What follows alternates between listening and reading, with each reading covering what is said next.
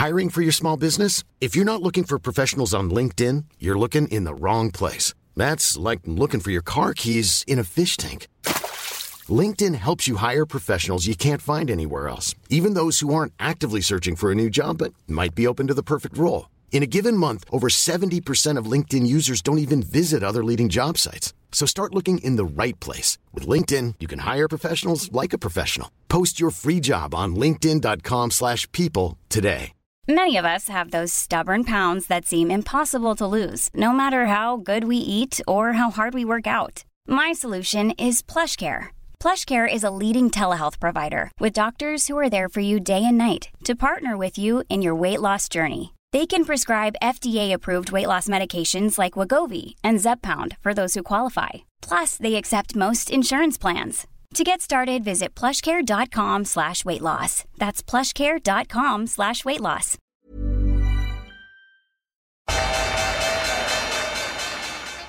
They mistook leverage for genius. Leverage for genius. I would recommend you, Japan.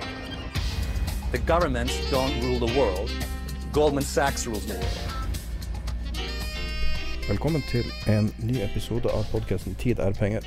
En podkast med Peter Warren. Jeg heter Sverre og er produsent, og vi har vel en ti-tolv tema i dag. eh, Så bare å komme i gang. Eh, Peter, eh, når vi starta når vi hadde mange ting vi skulle snakke om, og så sa du at du får mye henvendelser om folk som har begynt å trade. Ja, absolutt hver dag så får jeg henvendelse fra fra folk som har lyst Det er veldig mye daytradere, og noen ønsker å være kortsiktige investorer uten å, at de klarer å, eh, å, å definere helt hva det er. Men de har tydeligvis ikke tenkt De har egentlig bare tenkt å flippe ting. Altså kjøpe, eh, kjøpe aksjer og selge dagen etter eller et par dager etter og tro at det vil bli en veldig høy, høy gevinst på det. Og det understøtter jo litt av det vi har snakket om tidligere. Altså det som Robin Hood og mange andre som har fått pøser inn med nye, med nye kunder til disse, eh, til disse meglerhusene. Og du får inn en hel generasjon nå. Og og, og det som jeg tenker er, er um, verdt å merke seg med dette, det ene er at børskurser er, er svært dyre. Altså selskapsverdiene er veldig høye i forhold til inntjening. Langt over det som har, har vært uh, gjennomsnittet. Og det ser du stadig flere både forvaltere og analytikere påpeke. Strateger påpeker det samme. Altså jeg, jeg kan, det er sjelden jeg kan huske at så mange altså sånn gradvis har, har ment at ok, nei, vi er enige, nå begynner dette her å bli, å, å bli voldsomt. Og da samtidig så fyller du opp med altså Hvis du ser på USA, så har det jo vært netto utgang fra aksjefondet. Ganske betydelig nettoutgang også. altså Til, til tross for at man har fått inn mange eh, etter, etter smellen, eh, altså det, det, fallet som endte i, i, mars, så har folk kommet sent på banen, og, og, folk har begynt å tegne seg. Men det er fortsatt netto utgang, klar netto utgang i år. Som, som vil si at aksjefondene håper jeg, blir mindre. Seriøst? Ja, blir mindre aktører. Det var, var tall fra, eh, publisert i Financial Times i, i, forrige uke. Hvordan type aksjefond? Eh, Alle indeksfond og alt. Altså det var, jeg tror det var det er netto 17 milliarder dollar som har rent ut. Altså, og netto, altså da tar du eh, innløsninger og, og, Eller tegninger minus innløsninger, så hadde, hadde rent ut 17 milliarder. Men du ser at det er flere kommet til aksjemarkedet, og det som er bekymringsfullt, er at det er folk uten uten uh, noen, noen, erfaring, no, uten noe historikk fra, fra, aksjemarkedet. Og nå er det egentlig hvilke strategi kan man bruke, hvor kan man lese om dette, og hva er den beste handelsplattformen, og, og, og den type ting. Uh, det spørres om. Jeg, og, men det er jo ikke greit, ikke sant, fordi alle må starte et eller annet sted. Og jeg skjønner at når børsen har gått kraftig opp en periode, som den har gjort, og det vi har sett i det siste, er jo at Oslo har tatt igjen litt av det gapet til de andre børsene, eller i hvert fall i forhold til USA, da, som steg mest uh, til, til, å begynne med. Veldig mye takket være Eller ikke veldig mye, men nesten utelukkende takket være sentralbankpenger som i, kom inn. Så har så har Oslo Børs tatt igjen litt av det gapet. Og det, det kan man godt si er, er, eh, er, fortjent, for det har roet seg. Krona har blitt sterkere. Uh, man har ikke gjort noe uh, politisk eller økonomisk dumt eh, på, eh, på hjemmefronten. Men nå er det masse folk der som er, er på en måte på søken. Og de forsøker å lese, de er ute etter bokanbefalinger og litteraturanbefalinger. og hvor kan de det ene med det andre. Og de legger ved YouTube-videoer av noen som uh, uh, sitter i garasjen sin hjemme og handler i, uh, i en fillete T-skjorte, og som angivelig har gjort det bra. Kan godt hende de har det, men, men, du kan si at det skal Man oppfatter ikke at at det skal så mye, mye til. Altså Nå har vi en, han Hovland, han norske golfspilleren, som gjør det så bra. Altså det, det er ingen som vil gå ut Eller av de som ser han på følger med han på TV, så, og du ikke har spilt golf før, og så tenker du at det der er fantastisk. Men jeg ville ikke gått og kjøpt meg et golfsett og trodde, jeg, trodde at jeg kunne at, at, jeg kunne, at jeg kunne spille i hans liga i det hele tatt. Så folk må jo forstå at det er en, er en læringskurve. Og det er, noe, altså det er jo ingen tid er riktig eller gal for det. Altså Som regel så vil du si at på, kjøp, kjøp på bånn og, og, og, og selg på topp. En ting vi kan 100% sikkert si her, er at vi ikke er på bunn. Så, men gitt at du ikke har det valget, da, så er jo dette en periode du kan lære deg så et eller annet sted må du begynne. Og de som har anledning til å, å Altså finn en altså Hvis du skal inn i en strategi og inn i en handelsform, om det er daytrading eller noe annet, hvis du kan få tak i en mentor på det, eller noen som har gjort akkurat det Ikke noen som tjener penger på at du gjør det, og ikke tar noe risiko selv, men som gjør akkurat det samme, så, så vil det være en stor fordel, fordi du vil unngå så mange feil og så mye gærent. Men hvordan finne en mentor? Ja, da, da må du jo på en måte prøve, prøve å søke rundt, da. Men det er jo, altså, du kan si det er jo ikke mange tradere. Du kan si at meglerhusene vil jo gi deg råd, men der er det jo ingen tradere lenger. Så de som gir deg råd, er, er jo de som, de som mottar kurtasje. Det er klart at det er, det er, i deres natur at du handler mye. Eller um, dem som streamer på Twitch og uh, ender opp med å møte Donald Trump uh, fire måneder etter de begynte å handle i aksjemarkedet, som han Dave Portnoy. Ja, det som nå hadde et 21 minutt møte med Donald Trump. Han har vel brukt mer tid på, på han Dave Portnoy enn han har brukt på hele koronakrisen. da Hvis han har brukt 21 minutter. Så det er jo Det, det sier noe i, i, i, seg selv. Det mest amerikanske jeg har sett noensinne. Han sitter og sier at stocks only go up. Tar ingenting på alvor. Trekker ut uh, Scrabble-brikker fra en pose for å lage tikkere. Og kjøp, kjøper 200 000 dollar poppen på det. Okay. Altså det, altså det eneste man kan tenke, er det er et hån mot kapitalismen. Det er et hån mot alt hardt arbeid til folk. Det er et hån. Det det er ingen som tar det på alvor lenger. Ja, jeg så for øvrig eh, Mnuchin, altså amerikanske finansministeren, uttalte i forrige uke at eh, nå kommer han ikke til å bruke penger lenger på, altså på, på, um, på, på de som ikke gikk på jobb. Altså de som holdt seg hjemme pga. korona osv. Og, så og hvis du bryter ned hvor mye det amerikanske, eh, amerikanske finansdepartementet har brukt, så tilsvarer det 50 000 dollar okay, per innbygger. Vet du hvor mye som har kommet Vet du hvor mye altså, folk utenfor arbeid har fått av det? Det er jo 1200 de fikk. 1200 dollar av 50 000. Det andre har gått til å, til å dytte opp aksjeverdier og, og andre ting.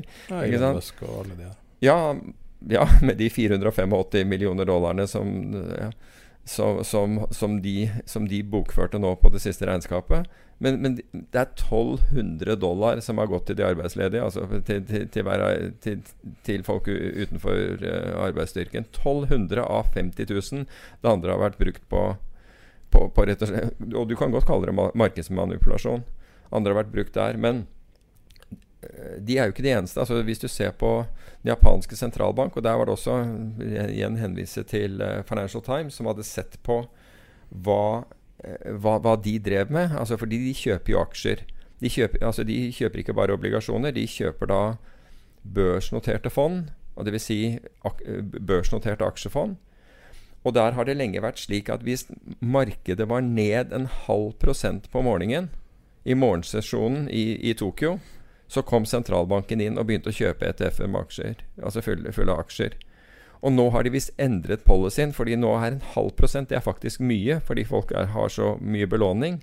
Så nå, hvis, er, hvis, hvis, markedet har vært ned to dager på rad, og den andre dagen så faller det med en kvart prosent, så ser man sentralbanken komme inn. Det skjer ikke hver eneste gang, men det har vært, det vært mønsteret. Og det er jo selvfølgelig et mønster som flere har oppdaget og, og, og begynner å handle på. Så, så vi har jo til de grader for, forvrengte markeder, eh, markeder der ute. Men oppi det hele så er det jo ikke slik at aksjer og, ha, har gjort det best. Vi, vi kan jo begynne å se på de andre uh, aktiva-klassene, og den og aktiva-klassen som nå virkelig dukker opp, er edelmetaller. Den har jo fått kjempe, kjempemye interesse fordi Kan du forklare litt uh, hva det er som har skjedd med gull, sølv og krypto, egentlig? Ja, hvis du, hvis du ser på gull, da så, altså, Hvis du ser det, det interessante med å se på, eh, på, på gull Det er flere ting som har skjedd, og den ene nevnte vi i, i, i forrige podkast. Fordi folk snakker om, om eh, at gull har gått så mye mer enn sølv, og det er helt riktig. Gull har gått mye mer enn sølv. Gull har nå gått til ny all time high. Den tok ut den forrige toppen, som, var, som ble satt i, i 2011, og gikk til nå, nå til ny all time high. Og det har gjort at veldig mange har liksom kasta seg inn i det siste i gullmarkedet. Men det man trenger å vite med det, er at bare i, i Altså fra i natt til i dag morges så falt gull med 3,75% det, det er ikke mye totalt sett eh, når- når det gjelder gull.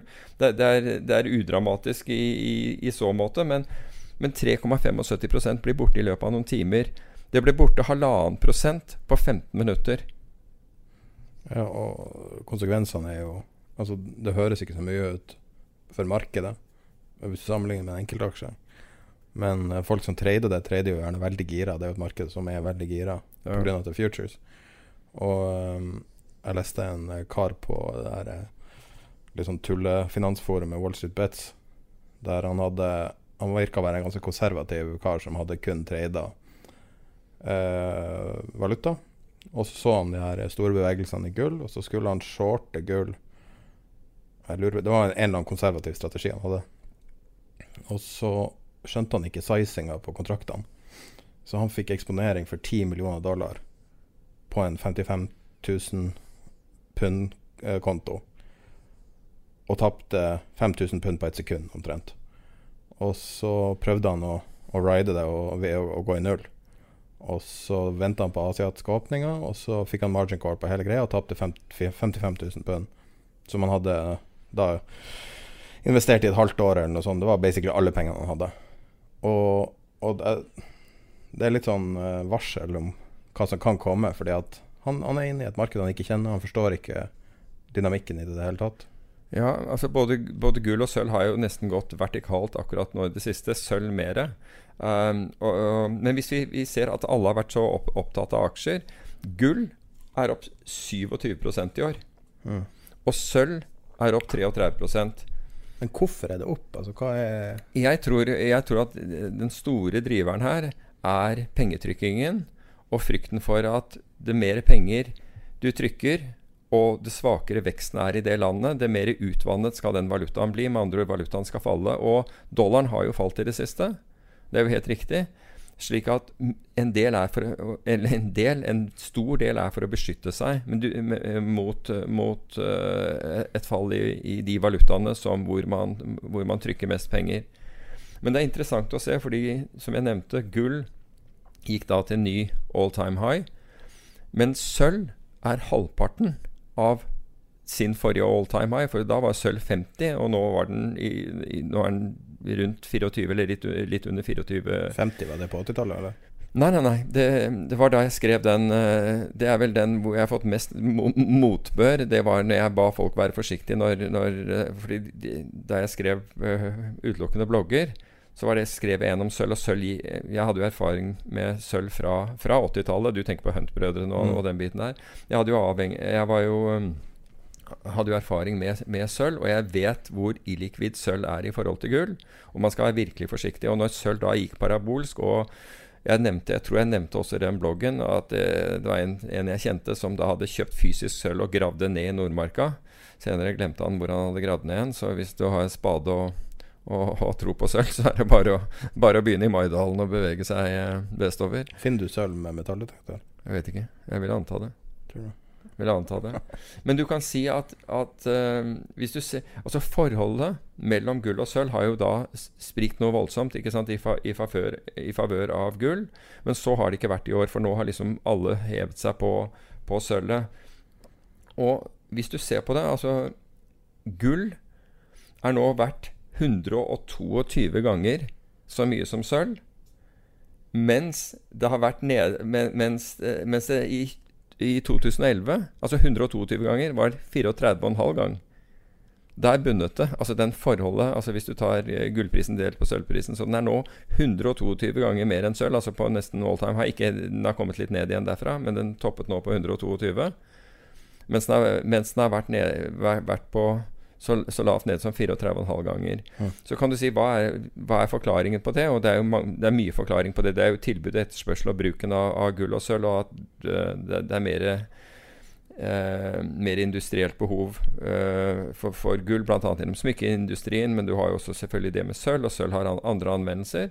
Men en av de viktige tingene, og det nevnte vi også i forrige podkast, bare for å gå gjennom det, og det er at Basel 3, dette, dette ja reguleringen som, som, bankene må forholde seg til, den har eh, gjort at gull har, er blitt klassifisert eh, som statsobligasjoner. Så hvis en, en, bank kjøper fysisk gull, så teller det i kapitaldekningskravet som om den hadde statsobligasjoner, men sølv er ikke det.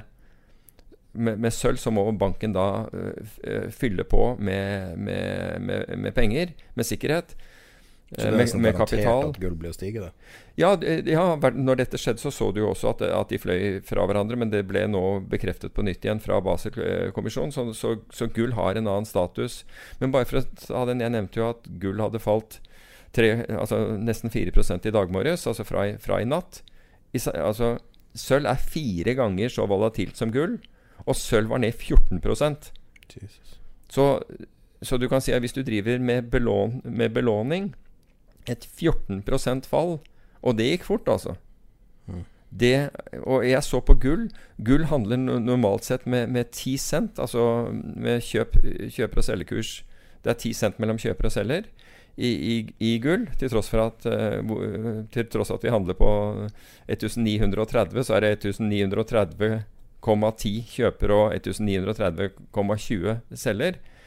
I, I dag morges så fløy den der ut til en dollar bred for det gikk så fort. Mm. Og, og, sølv er vesentlig, vesentlig mindre likvid. Jeg sier ikke det for at ikke folk skal, uh, skal uh, handle i sølv, men du må vite hva, vite hva du gjør. For uh, som jeg beskrev til en, altså, sølv er som gull på, på, amfetamin. Det er helt ekstreme bevegelser i, i, i forhold. Medisinert, altså? Ja, til de grader medisinert.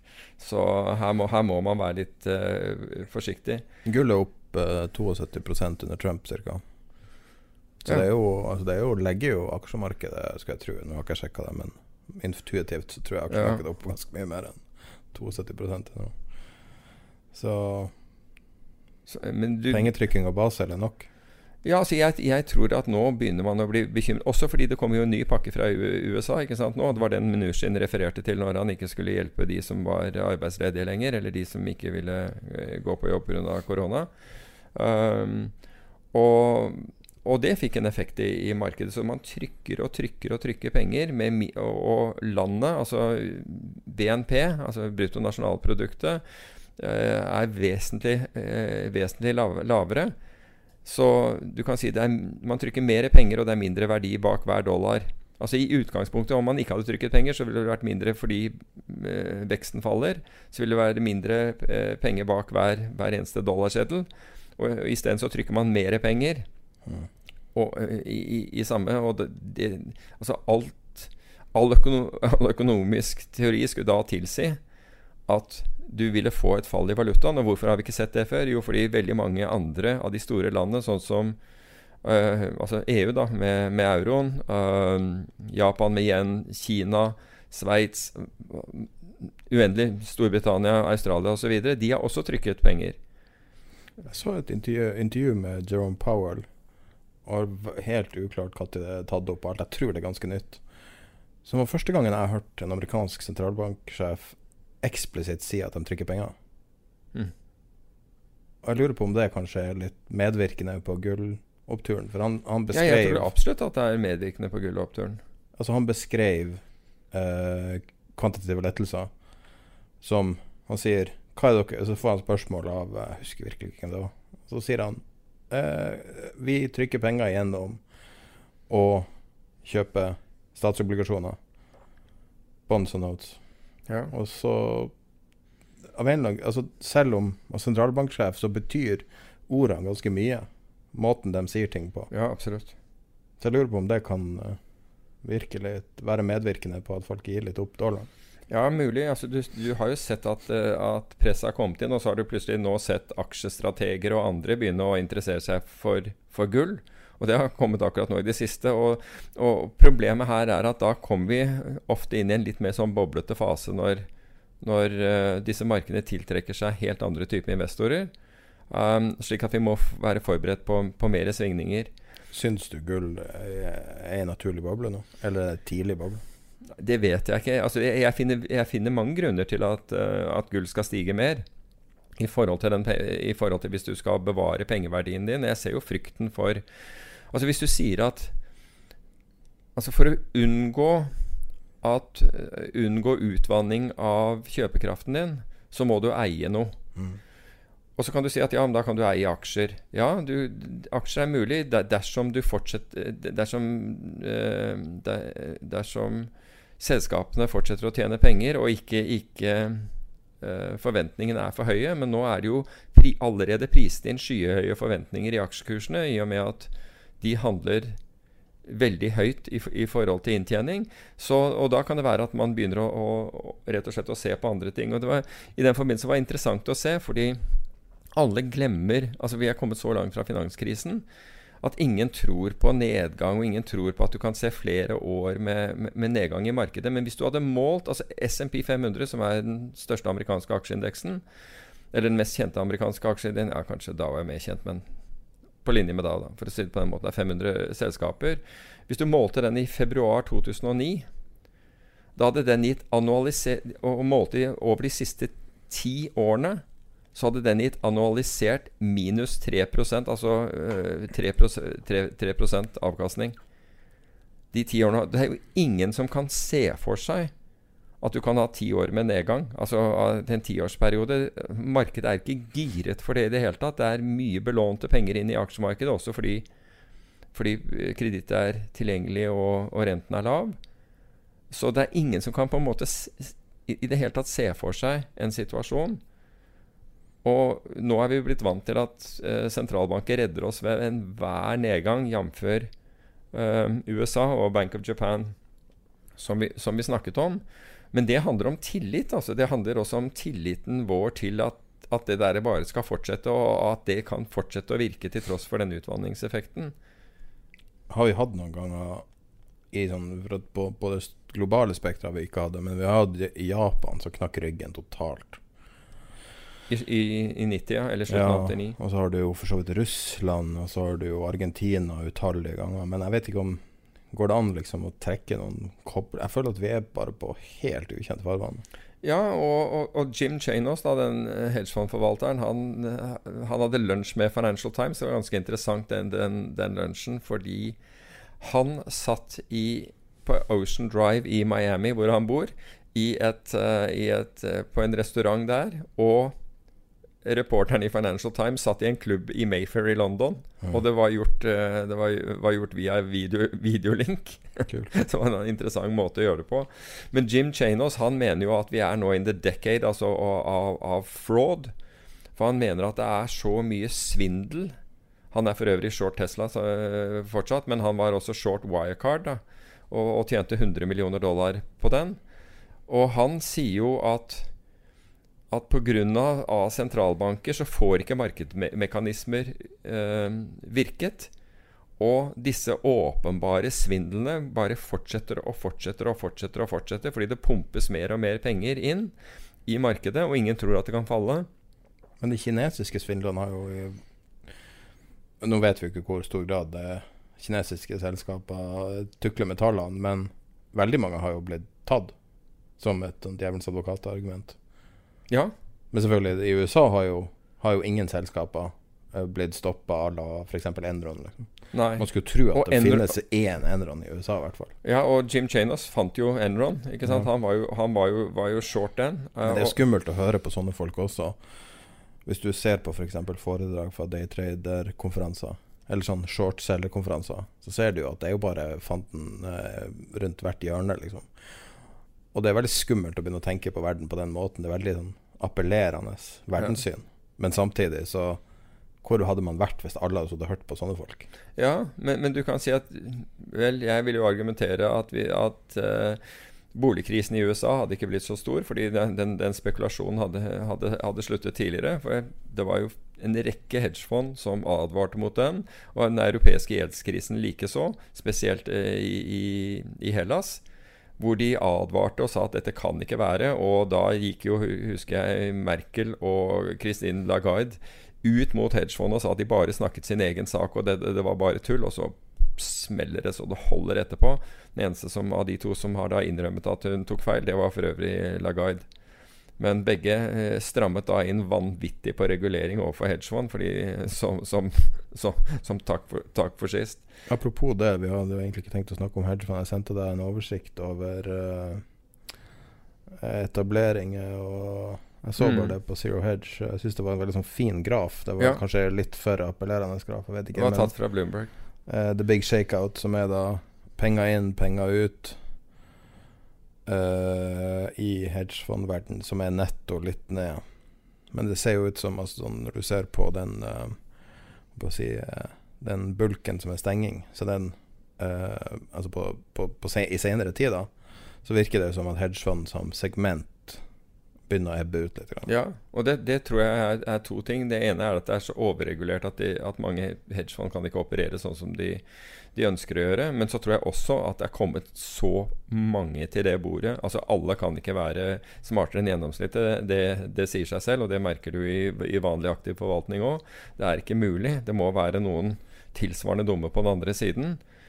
Og det har vært et ekstremt anstrengende periode fra finanskrisen til nå, hvor igjen nå skal vi gå tilbake til sentralbankene eh, forvrenge markeder. Men ta f.eks. Altså jeg nevnte eh, Kan jeg bare si en ting? Jeg hadde ikke fått med meg at Paulsen hadde lagt ned fondet sitt. Hadde du ikke det? Jo, det, Fire uker siden. Ja. Det stemmer. Faen for en Det er sånn som enten skjer på toppen eller på bunnen, eller en så profilert person som hadde så, altså så vanvittig trade i finanskrisa, og nå Ja. gir opp. Han var jo også veldig long gull veldig lenge. Ja, han var, han var lang gull, men han, altså han gjorde jo slik at du kunne få en gullklasse i fondet hans. Altså med andre ord at du At, eh, at man investerte Altså at, at eh, i andelene som da var eh, Som, som da var, fulgte gullprisen. Altså andelene på, på, på fondene. Men det er mange ting når det gjelder Paulsen. Altså Jeg har fulgt han i veldig mange år. Jeg var investert hos han også. Men, Seriøst? Ja, ja. Vi var investert i Paulsen, vi. Men- men- det? Eh, helt til Vet du hva? Altså på, jeg, har, jeg har nevnt det før. Kundene som vi hadde i det, dette var i, i Warren Capital, ønsket ikke å være investert me, me, mer i, i det, fordi de mente at aksjer skulle gjøre det bedre i 2007. Fantastisk. Trakk ut pengene i 2007, og det, det tilsvarende hadde vært opp en 500% i 2008. Hvor stor andel av fondet var det i det? Uh, jeg tror vi hadde 37% hos han. Så, så det hadde jo blitt Ja. Og de andre gjorde det bra også. Det var det verste av alt. Men, Bittert, altså. ja, ja, på en måte var det bittert, men, men du kan si at ja, Jeg syns det var bittert, men, det, men sånn har jeg sett så mange ganger skje. Og det var ikke det at dette fondet som vi hadde laget, var jo ikke ned heller. Det, det, var, det var jo opp. Det hadde jo gjort akkurat det det skulle. De hadde tjent penger, men da var plutselig kommet til, kom- kommet til en periode hvor aksjer kunne ikke gå ned. Og da, heller, og, og da ville investorene trekke ut pengene og putte inn i aksjemarkedet. Så de rakk akkurat å få med seg toppen på aksjemarkedet, og ikke, den, og ikke denne. Men, uh, Men det er litt sånn typisk uh, i sånne vridnings... Altså sånn eh, vridnings... altså når man går f.eks. fra verdi til til vekst, eller Ja. altså når man går sånne, får sånne store overganger, så skjer sånne Ja. Det er liksom peculiar timing med f.eks. at han legger ned fondet, eller at de vil trekke seg ut av fondet. Eller Og det verste var at de investorene vi hadde med der, de, de var veldig kjente norske eh, family officer og institusjoner. er. Så, men, eh, men det interessante da med Pauls, for jeg hadde fulgt dem i, i, i mange år, jeg hadde jo møtt han flere ganger, det var jo at de ga altså De, de, drev jo inn, inn, inn, merger arb og, og strukturering og, og den type ting, og de hadde gitt solid avkastning over lang tid. Um, så de var veldig bra. Men den kjempetraden som ble gjort i, da i 2007, hvor de hadde shortet boligmarkedet, det var en av hans ansatte, Paolo Pellegrini, som hadde, hadde lagt på den traden. Og han ble forbanna og fordi jeg husker ikke hvor mange milliarder dollar de fikk i, i honorarer, eh, i suksesshonorar for, eh, for det som skjedde i 2008. Men han ble avkortet. Paolo Pellegrini ble avkortet i forhold til det han skulle ha. Så han sluttet. Eh, han startet for øvrig sitt eget fond, som ikke gikk, eh, ikke gikk noe videre. Men fra da av så snudde egentlig lykken til, eh, til, til Paulsen også. Så, men nå har han gjort om til, til Family Office. Men bare for å gå tilbake til Jim Chano, som vi snakket om, som da var, som advarte om Enron, shortet Enron og tjente mye på det, og har shortet da Wirecard, som da viser Er han som er kilden til FT? Er det det? Jeg har ikke sjekka det. Hvem da? Var det han som var kilden? Nei, vet du hva? Jim Chanos leste om det i FT. Han leste artikkelen og, og, og begynte å gjøre analysen på, basis av Wow. det FT-journalistene hadde funnet ut, Fantastisk. og shortet den. Det har jeg aldri hørt om. Ja, og det forteller han i, i, denne, i den intervjuet med, med Financial Times. Det er veldig uvanlig, faktisk. At, uh... Jo, men han, han blir bli klar over den der. Jo, men sånn er det jo ofte. ikke sant? Du, du får ikke med deg alt i verden. Så ser han på den der, og så tenker han herregud, gjør analysen på det, og, ser at disse, disse journalistene har rett. Shorter selskapet. Og vet du hvordan han strukturerte shorten? Nei, det vet jeg ikke. Jeg håper han ikke er lineært short, i Tesla, for da koster det mye penger. Men ba, bare for å gå tilbake til han, fondet hans, altså Kinnecos Associates som fondet heter, er 35 år gammel. I løpet av den tiden så har han hatt dobbelt så høy avkastning som SMP 500. Dobbelt avkastning som SMP 500. Men han har likevel gått fra en topp på Han forvaltet 7,5 milliarder dollar ned til 1,5, for folk skal hele tiden ha aksjer. Så Ja, du kan jo belåne den SMP-en. Jo, så- men enda han har da gitt en dobbelt så høy eh, avkastning som eh, Som SMP 500, altså som, som denne indeksen. Men han, det var et sitat som jeg puttet eh, Som jeg, jeg er helt sikker på at jeg puttet på Twitter, men jeg er ikke sikker på om jeg puttet på Facebook-gruppen vår, som jeg syns var helt utrolig fra han. Og det er at When people ask us Who were the auditors? Altså hvem var, var, Hvilket revisjonsselskap var det som, som hadde den, de, de, denne svindelen? I always say, who cares? Almost every fraud has, has been audited by a major accounting firm. Og det ble det jo i forbindelse med Wirecard òg. Altså, jeg mener at det var Ernst Young. Du får klippe det, det bort hvis, det, hvis, jeg, hvis jeg tar feil der. Men jeg må mener sikkert vært blanda inn men Jo, det var jeg mente at det var Ernst Young, så det var liksom solide re re revisjonsselskaper som ikke stiller spørsmål i det hele tatt. Og da kan du jo si som investor eller megler eller unnskyld, analytiker Altså, du, du kan da ikke stole på på, på revisjon. Og vi har, vi har jo sett det i mange, mange mange sånne svindeltilfeller, ikke minst Madoff. Så um, Jeg kom på en ting som er utfordring til hvis en lytter hører på eller et eller annet. Uh, om det går an å sjekke uh, om fraud er opp. Altså om, hvis man tar f.eks. søk på artikler som nevner noe, ordet fraud. Og sånn, ja. Fordi at hvis du søker på Google Trends, så ser du at fra Altså i 2020 så ser du en trend oppover litt. Grann, på, altså at folk søker på ordet fraud. Mm. Og du hadde en veldig oppsving i 2012 rundt eurokrisa. Og så hadde du en liten oppsving i 2008. Men, men det er ikke spesielt god indikator på søk. Men det hadde vært eh, artig å se på data om, om fraud faktisk er opp. ja. For det, det, det var jo det datapunktet som ble veldig kjent pga. Uh, han eh, Barry, han eh, doktoren i Big Short. Å ja, riktig. At uh, fraud var oppe i boligmarkedet, og det var en indikator. Har vært Mhm. historisk sett en stor, viktig indikator. Så Michael, Bur. Michael Burry. ja. Um, Men uh, det her kan jo fortsette lenge. Når Sentralbankene jobber i lag. Så. ja, ja. Men ellers når vi kommer altså det, det som, bare for å ta litt mer om markedet, det som har slått både altså Aksjer har jo ikke kommet tilbake igjen, uh, så, så, det er fortsatt ned, ned på året. Og, og, gull er kraftig opp, og sølv, som vi, vi, nevnte. Men bitcoin, som, som, veldig mange har mistet interessen for fordi det har liksom stått stille en lang periode, det er faktisk opp 56% i år.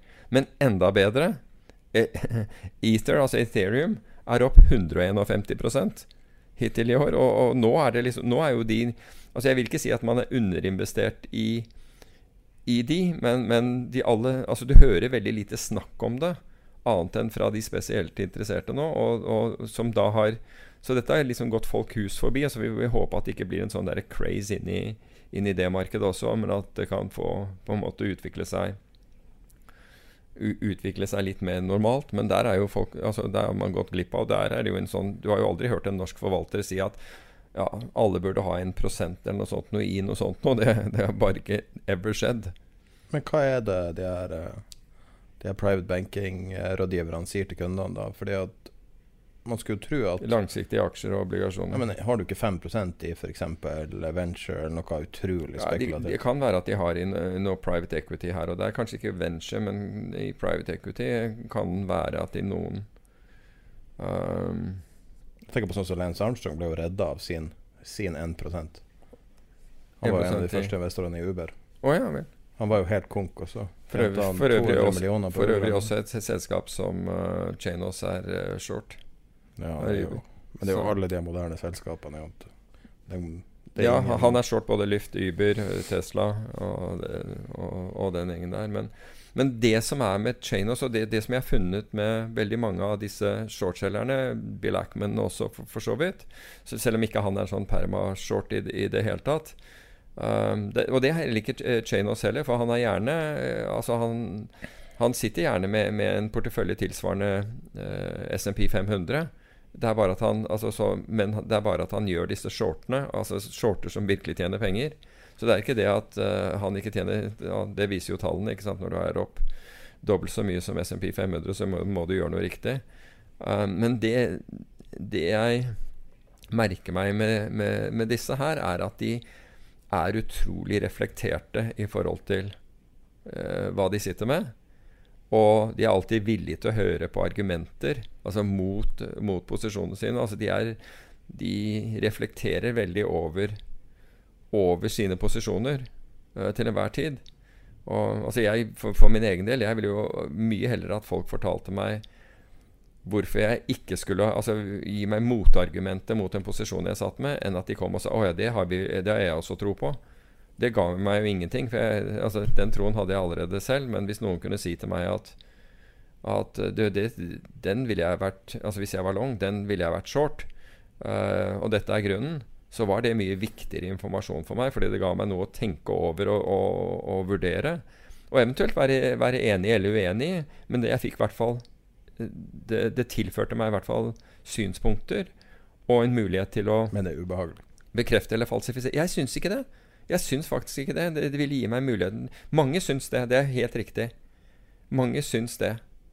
Det, det, er, det er et faktum psykologisk faktum er at mange syns det er ubehagelig. Jeg syns ikke det. Um, det kan være at jeg, altså, være at jeg har, har, en mening, en sterk mening om noe. Og så kommer det en eller annen og sier det motsatte. Og, og kanskje den første reaksjonen av og til det kan være ubehag. Det kan jeg være enig i. Føle ubehag med det. Men så går det litt gjennom hodet, og så tenker jeg ja, men la meg i hvert fall, i hvert fall sjekke det. Og enten så falsifiserer man det og sier at liksom det, den, den grunnen var jo bare tull fordi den er det, eller antageligvis, eh, eller var det. Eller så sier du 'Det var smart, la meg kikke litt mer på det'. Og, og ved flere anledninger da jeg var forvalter, så, så snudde vi eh, eh, helt rundt. Altså jeg hadde en, et, en, idé om noe, og hadde tenkt å gjøre det. Og en av analytikerne begynte å, å regne og se på dette her. Og så kom han opp med ting som ikke jeg uh, hadde tenkt på. Jeg husker spesielt et tilfelle. Jeg følte meg liksom ordentlig dum men så, fordi jeg, hadde, fordi, fordi jeg hadde, hadde, oversett det. Og da endte vi med faktisk å gjøre det motsatte. Og tjene penger på det. Så, um, så jeg føler jo uansett at det tilfører meg noe hvis noen tar den andre siden av, av, av argumentet og kan argumentere det på en, på en saklig og ordentlig måte, så, så tilfører det meg noe. Mm. Det mest prominente sånn er vel han der Citroen. Han er investor. Robert Citron? Nei, det er det Cit Management eller noe sånt. Han som var veldig prominent short. Tesla snudde og gikk lang. Ja. Og hvis han er fortsatt lang nå, så har han jo tjent uhorvelig med penger. Stan Druckenmiller, som jobbet sammen med, med, med Soros, for Soros og, Soros og for så vidt med han, men han sier det samme om George Soros også, er at han altså Han snur. Snakka ikke vi om det? Jo, jeg tror det kom jeg akkurat på. Vi snakket, vi snakket om Soros, ikke Vi har Druckenmiller. snakka eller- om det. Jeg vet ikke om det var på podkast. Jo, jeg tror vi tok det på podkasten. Det slo meg akkurat nå. Men jeg, jeg hørte akkurat et intervju med Stan Druckenmiller forleden dag. Og, og det var liksom å bråsnu. Så Stan Druckenmiller hadde snudd fredag den 16. oktober 1987. Altså krakket var den- mandag den 19. Fredag den 16. Så, så faller Dow Jones 100 poeng, og det var stort den gangen. Og Druckenmiller snur fra å være short til å bli leverage long. Og i løpet av helgen Han snakker med George Soros senere den dagen når han jobber hos Soros. Og da får han se en rapport som Paul Tudor Jones hadde lagt frem. Hvor, eh, hvor eh, Jones viste at eh, parabolske markeder, altså markeder som akselererer til oppsiden, de ofte når, når det er over, så får du en, en kraftig akselerasjon også til nedsiden. Og Druckenmiller i løpet av den helgen skjønner, eller eh, skjønner at han har tatt feil. Så han sier at liksom, hvis markedet Hvis markedet starter ned 50 poeng, og, og, og, så, så vil han, eh, så vil han eh, komme seg ut av posisjonen, posisjonen og går short. Isteden på mandag så åpner markedet ned 200 poeng. Men så kommer det en rally, og han bryr seg ikke om hvor langt den går. Han selger hele greia og går short. Så han ender den måneden opp. Du kan jo forresten se den perioden si realtime i den der dokumentaren som heter 'Trader', som Paul Tudor Jones forsøkte å holde av internett. Eh, og, og Er det den som er i svart-hvitt, eller noe sånt? Nå? Nei, det er veldig sånn Hvor, hvor han er og står på ski og ja, litt sånn Chamonix ja. eller et eller annet sånt. Jeg har sett den. Og uh, den ligger vel på YouTube eller Daily Motion eller en av de sitene. ligger på YouTube. Eh, og da kan du se når han snakker om de her. Men det er jo veldig lite sofistikert, den modellen de bruker. da De sitter jo bare og ser på 1929, og så lager de en sånn uh, Så lager de en sånn Hva kan de kalle det for noe? Sånn analog Justerer kanskje litt på aksene og sånn for å få det til å passe. Det er det de basically bruker. Uh, men han, altså det var jo en av virkelige grunnene til at han ble så kjent som han ble, var jo det at det her blir filma der han sier at han tror markedet skal falle i 1987 på kamera. Og det var det ikke mange som sa. Ok, jeg, jeg husket ikke at det var en, en del av den, men du ser jo Han han bomma på to måneder, tror jeg, på sin spådom. ja, fordi, det skulle falle. ja, fordi du ser han drive og, og, og trade i den, så det holder i den uh... Det er magisk å se han trade. Ja, ja, ja. Han eh, altså det, er ikke, det er jo ikke hvem som helst heller, ikke sant, som, uh, som, som driver og holder på. Men det er så 80-tall, så herlig 80-tall. Han tar på seg sånn Han har kjøpt skoen til Bruce Willis på en auksjon, noe han brukte i en film. Så tar Ja. han på seg de skoene, for nå skal han tre, og så taper han masse penger. og så sitter han der og 100 millioner Deutschmark. Ja, Nei, nei, nei, snu. 200 millioner mot. ja, ja. Jeg skjønner ikke Han gjør det her på telefonen uten en skjerm foran seg. Det Men det Druckenmiller sier om, om, Soros, er at det som er hans styrke, det er å, å, å Altså når han har rett, er å kjøre steinhardt. Og det var et tid Da Druckenmiller jobbet for han, hvor han eh, Når var dette? Men det var i hvert fall det tilfellet hvor, eh, hvor Druckenmiller hadde en posisjon på 1 milliard uh, Deutschemark. Og så kommer Soros inn på kontoret og så øh, lurer på hva han driver med, og liksom hva, hva hans posisjoner er. Så forteller han om det. Så, så sier han f- at han har den posisjonen i Deutschmark. Og så sier han ja, hva er grunnen din for det, hva er bakgrunnen? Og så forteller Druckenmiller det. Og så sier han hvor stor posisjon har du? Og han sier 1 milliard mark. Hva? Ikke mer? Se til helsike og dobbel den med en gang. Og det var det, eh, ifølge eh, Druckenmiller, var Soros sin styrke. Det var liksom å dra på når han visste han hadde rett. Men du kan si at det var ikke sånn at han dro på på hver trade, men liksom når grunnen var god Og det er litt som sånn Ikke ta de tradene som du tror er halv, halvgode. Ta de du, du har virkelig tro på, ikke sant? og være disiplinert i forhold til det. Og det er jo en av, etter min oppfatning en av, en av uh, grunnene til eller, eller bakgrunnen for suksess i markedene, det er at du, ikke, at du ikke begynner å kjede deg og handle ting som er halvgodt, men at du venter, selv om det tar timer eller dager, det kan, avhengig av hvilken tidsramme du, du, handler innenfor, at du venter på de gode. For det er når du ikke gjør det, når du ikke har, viser den disiplinen, det er da du gir fra deg altfor mye penger. Da renner pengene ut. Det gjelder vel alltid livet, egentlig? Ja, antageligvis. Er, ja, antageligvis. Vi, gjør, uh, vi er generelt ikke, ikke, så disiplinerte. Hvis vi bare slutter rundt markeder, så uh, den, den biten om markedet, så har Goldman da eh, den, denne vi, vi, tok jo en episode om, uh, om den malaysiske NMDB. Eh, NMDB, ja. Altså det var malaysiske uh, Hva heter det for noe? Oljefond, om du vil. Som da ble svindlet av, av en kar som heter Joe Lowe. Og det er skrevet en bok om det. Vi har også snakket om den, den boken. Men de, eh, Malaysia saksøkte Goldman Sachs for jeg, jeg mener at det var 7 milliarder dollar. Men nå har Goldman Sachs, uh, uten å innrømme noe som helst skyld, som er akkurat det de har gjort Ja, de måtte innrømme skyld overfor amerikanske myndigheter, og der må de betale, ekstra, uh, må de betale en ytterligere.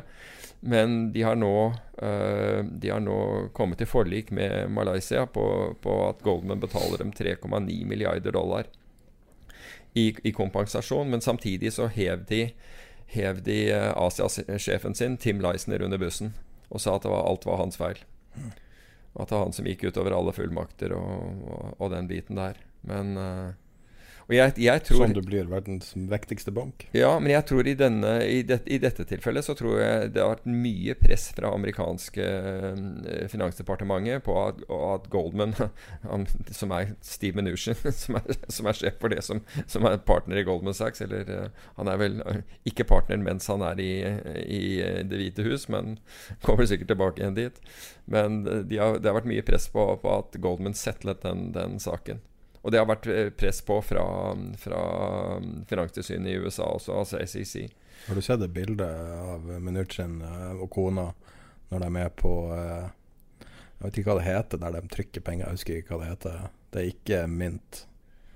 Der de, trykker, mint? Nei, de trykker sedler, men uansett så står han og kona og holder en sånn her ukutta Det står og holder en sånn ukutta sånn Altså, jeg vet ikke om det er 50-100 dollar sedler i en sånn i en sånn eh, akkurat som en utprinta Og det er bare så At det bare oser så mye uh, golddigger, og at han Altså, han ser så Goldman ut og så lite finansminister ut. Ja. Det er et helt fantastisk bilde. Hvis du bare googler Minuchin og kona, så er det første bildet du får. Okay. Eh, det er vanskelig å ta han seriøst. Altså, jeg vet ikke hvor god han er. Altså, det, de tidligere har, har vært mye tydeligere, syns jeg, som ministre. Men uh, USA er liksom på på vaklende grunn på mange områder. Og også finans syns jeg personlig, da, men jeg vet ikke hva du syns. Ja, altså, jeg, jeg syns jo på, på den måten altså, Det er jo på en måte det ledende markedet i verden, det er ingen tvil om det. Altså, og, men det er jo også det markedet som Altså, det, du kan si alt, alt følger Risk on følger USA. ikke sant? Altså alt Det hjelper ikke Eh, altså Noen børser av og til noen dager beveger seg uavhengig av hva som har skjedd i USA, men stort sett så følger alt USA. Hvorfor? Jo, fordi der er den største pengetrykkingen er. Der er den største sentralbankintervensjonen inn i markeder er. Der er hvor man ikke sant, Så alt følger jo egentlig hva, hva de gjør. Og det er, også, det er, også, en svakhet når det gjelder markeder, fordi da, da får du ikke den, det vi kaller price discovery, altså, ting, altså, aksjer Du oppdager ikke om selskaper er dyre eller billige på, på deres egne meritter. Det er egentlig hva den amerikanske børsen gjorde kvelden i forveien. Hva syns du om f.eks. prising av et sånt selskap som Apple? Jeg må innrømme at jeg vet ikke hvordan Apple er priset i øyeblikket. P29. Høyt. Verdens største selskap. Ja. Skal vokse så mye. Ja, men det er Ja. Jeg syns ikke det er en dårlig investering. I forhold til P1 på Tesla, som er 8000 og et eller annet, så, så, så, så er, det jo, er det jo ikke mye, men, eh, men Eller det er Shopify, som er vel kanskje ja, ja. det mest ekstreme. Men sånn som med Shopify, så kan jeg forstå hvorfor de er priser sånn. De er kanskje neste Amazon, mm. potensielt sett, som man kan skjønne. Men Apple, P30, det er jo Ja, det er høyt. Da vil jeg si at det tar 30 år for, for, for selskapet å tjene inn uh, den aksjekursen du betaler i dag. Med mindre de tjener mer. Ja, med, ja, ja, med mindre de Ja, men, Men kan du tjene mer enn alle penger i verden? Det virker som de har alle penger i verden Og. ja. Skal de begynne å selge iPhoner på Mars, liksom? Altså, hvor, hvor, hvor kan det vokse? Jeg vet ikke. Jeg vet ikke Jeg, eh, jeg vet ikke om eh, Andreas Halvorsen har, har, snudd. Han har vel vært en av de eh, som har kjørt det, løpet Helt hele veien. Og 2004? all jeg. ære til han for det. Ikke sant? All Lurer på hva det var han så tidlig. Ja. Og det var helt, helt bak i iPod-tida, tror jeg han var inne. Var ikke det veldig, veldig tidlig han var inne? Jeg, jeg så en, et sitat eh, forleden som sa at det er jo ikke det De som, de som gjør det ofte, de som gjør det kjempegodt, det er ikke det eh, at de finner opp noe nytt. Eh, det er rett og slett det at de klarer å connect the dots. Altså de, de ser hvordan noe vil virke. Altså de ser et eller annet som er oppfunnet, f.eks., og har plutselig ser den visjonen om hvordan dette her kan, hvilken utvikling dette kan ha. Fordi, altså Bruksområde, den type ting. Eh, det er de som virkelig eh, eh, får det til. Og jeg vil jo, og Andreas er jo en av de som absolutt Og det har jo vist seg liksom, år ut og år inn at han har klart å connect the dots, fordi han, han ender opp med vinnere, ikke sant. Og Stort, han har jo surfa tech i veldig mange år. og ja, Nå er det Hva heter det nye Hva heter det nye Jeg glemte det av. Nye, det som var Feng før. Fått et nytt navn. ok. Eh, Jeg vet ikke. Er det det heter for noe? Jeg vet ikke hva jeg skal søke på for å finne det engang. Det er det nye Det er alle tech-selskapene som er opp liksom 100% i år. Og, Akkurat. eh, Men, men du kan altså bare se rundt, eh, rundt covid-krisen. eh, hvordan, altså hva som skjedde der. Altså ingen sammenligning for øvrig, men der, der jo, var det jo noen av disse nye selskapene som kom, som plutselig oppdaget at hvis de nevnte at de hadde noe, at, at, noe med korona å gjøre, og kunne bedre det, så gikk jo kursen voldsomt. Uh, dette dette nors, norske selskapet SoftDoc som, uh, som grovt sett er, er, er eh, hånd... hånd, er hånd, håndsepe, holdt jeg på å si. Altså det, det er en litt, litt enkel forklaring. Som hvor da plutselig kursen går, øh, går godt over 100 og, og, og senere, i det, det de jeg tror de måtte innrømme eller sa at eh, ja, det var en viss misrepresentasjon de hadde gjort rundt det, så, er så, så halverte kursen seg igjen. Det var mange sånne hvor, man bare hopper på og, og tenker ok, nå, nå introduserer jeg det buzzwordet. Og sånn har vi jo sett eh, tidligere. Krypto var jo en sånn en. Det var et sånt helt ekstremt et eller annet selskap eh, som Long Island Ice-T ja, ble til Long Island Krypto. ja, Long Island Krypto, og aksjekursen gikk noen hundre prosent rett, eh, rett opp som følge av det. Og Og så var det artig med Zoom også. Ja, Det var to selskaper som heta Zoom når, når den korona starta. Oh, ja. Og så eh, Den store vinneren på det korte bildet var jo det andre selskapet. Det som ikke var ordentlige Zoom, som alle oh, ja. ville investere i. Så Herregud, det er mye Nå prøver jeg å finne det der eh, eh, forkortelsen. Det er utrolig masse sånne forkortelser som CNBC driver og finner på hele tida. Jo, jo, men de er jo catchy. Men Fang er jo ikke en Hvem var det som coinet det? Det var i hvert fall ikke CNBC. Det var vel en, Var ikke det en Goldman-analytiker? Nå har du Fang pluss med to A. Ja. Så Jeg vet ikke hva jeg skal søke på for å finne sånn engang. Men det, altså, det er jo bare Altså det, er, altså det er jo på en måte bare markedsføring, og det illustrerer jo også veldig mye det at, at folk har lyst til å strømme inn i aksjer. Fordi at det, ting virker jo så enkelt. ikke? Det finnes jo sikkert, uten å sjekke det, er sikkert 50 ETF-er som er knytta rundt Feng. mm. Og sannsynligvis veldig mange som er gira også. Og du kan doble pengene dine på én dag. ikke? Altså, Ja. Altså Jeg skjønner jo godt at folk blir redd inn i det, men det historisk sett så har jo hver eneste gang det har blitt sånn, så har det endt i tårer. Man kan Ja. huske at liksom hele verden ble daytradere, og så ble alle rike, Ja. og så ble det ferdig, liksom. ja. Det ender jo stort sett med at alle taper. Ja, det gjør det, fordi man har jo på en måte ikke noe erfaring med å håndtere det. Slik at, eh, at du, du kanskje gjør det veldig bra en periode, og så gir du fra deg alle pengene etterpå. Ikke? I, I tro på at dette her vil bare vare evig. Det er jo uh, uh, Det er jo dessverre sånn. Men uh, Men kanskje vi skal ta Feng med tre A. Okay. Jeg, jeg gir opp. Jeg klarer ikke å huske det. Det var noe sånn som Mad Dog eller noe annet som høres bra ut. Mm. Jeg ser du har skrevet at du kan bli bedre med rocky-musikken. Ja, og det, det, det interessante Her er Du det kan ha den i bakgrunnen mens du Ja. Men, men, men altså, ro- rockemusikken er ikke nevnt som eh, i, i denne studien. Dette, dette er en studie som er gjort på Berkeley av, eh, av en doktorgradsstudent i nevrologi og en professor i psykologi. Der har du den. Bare fortsett.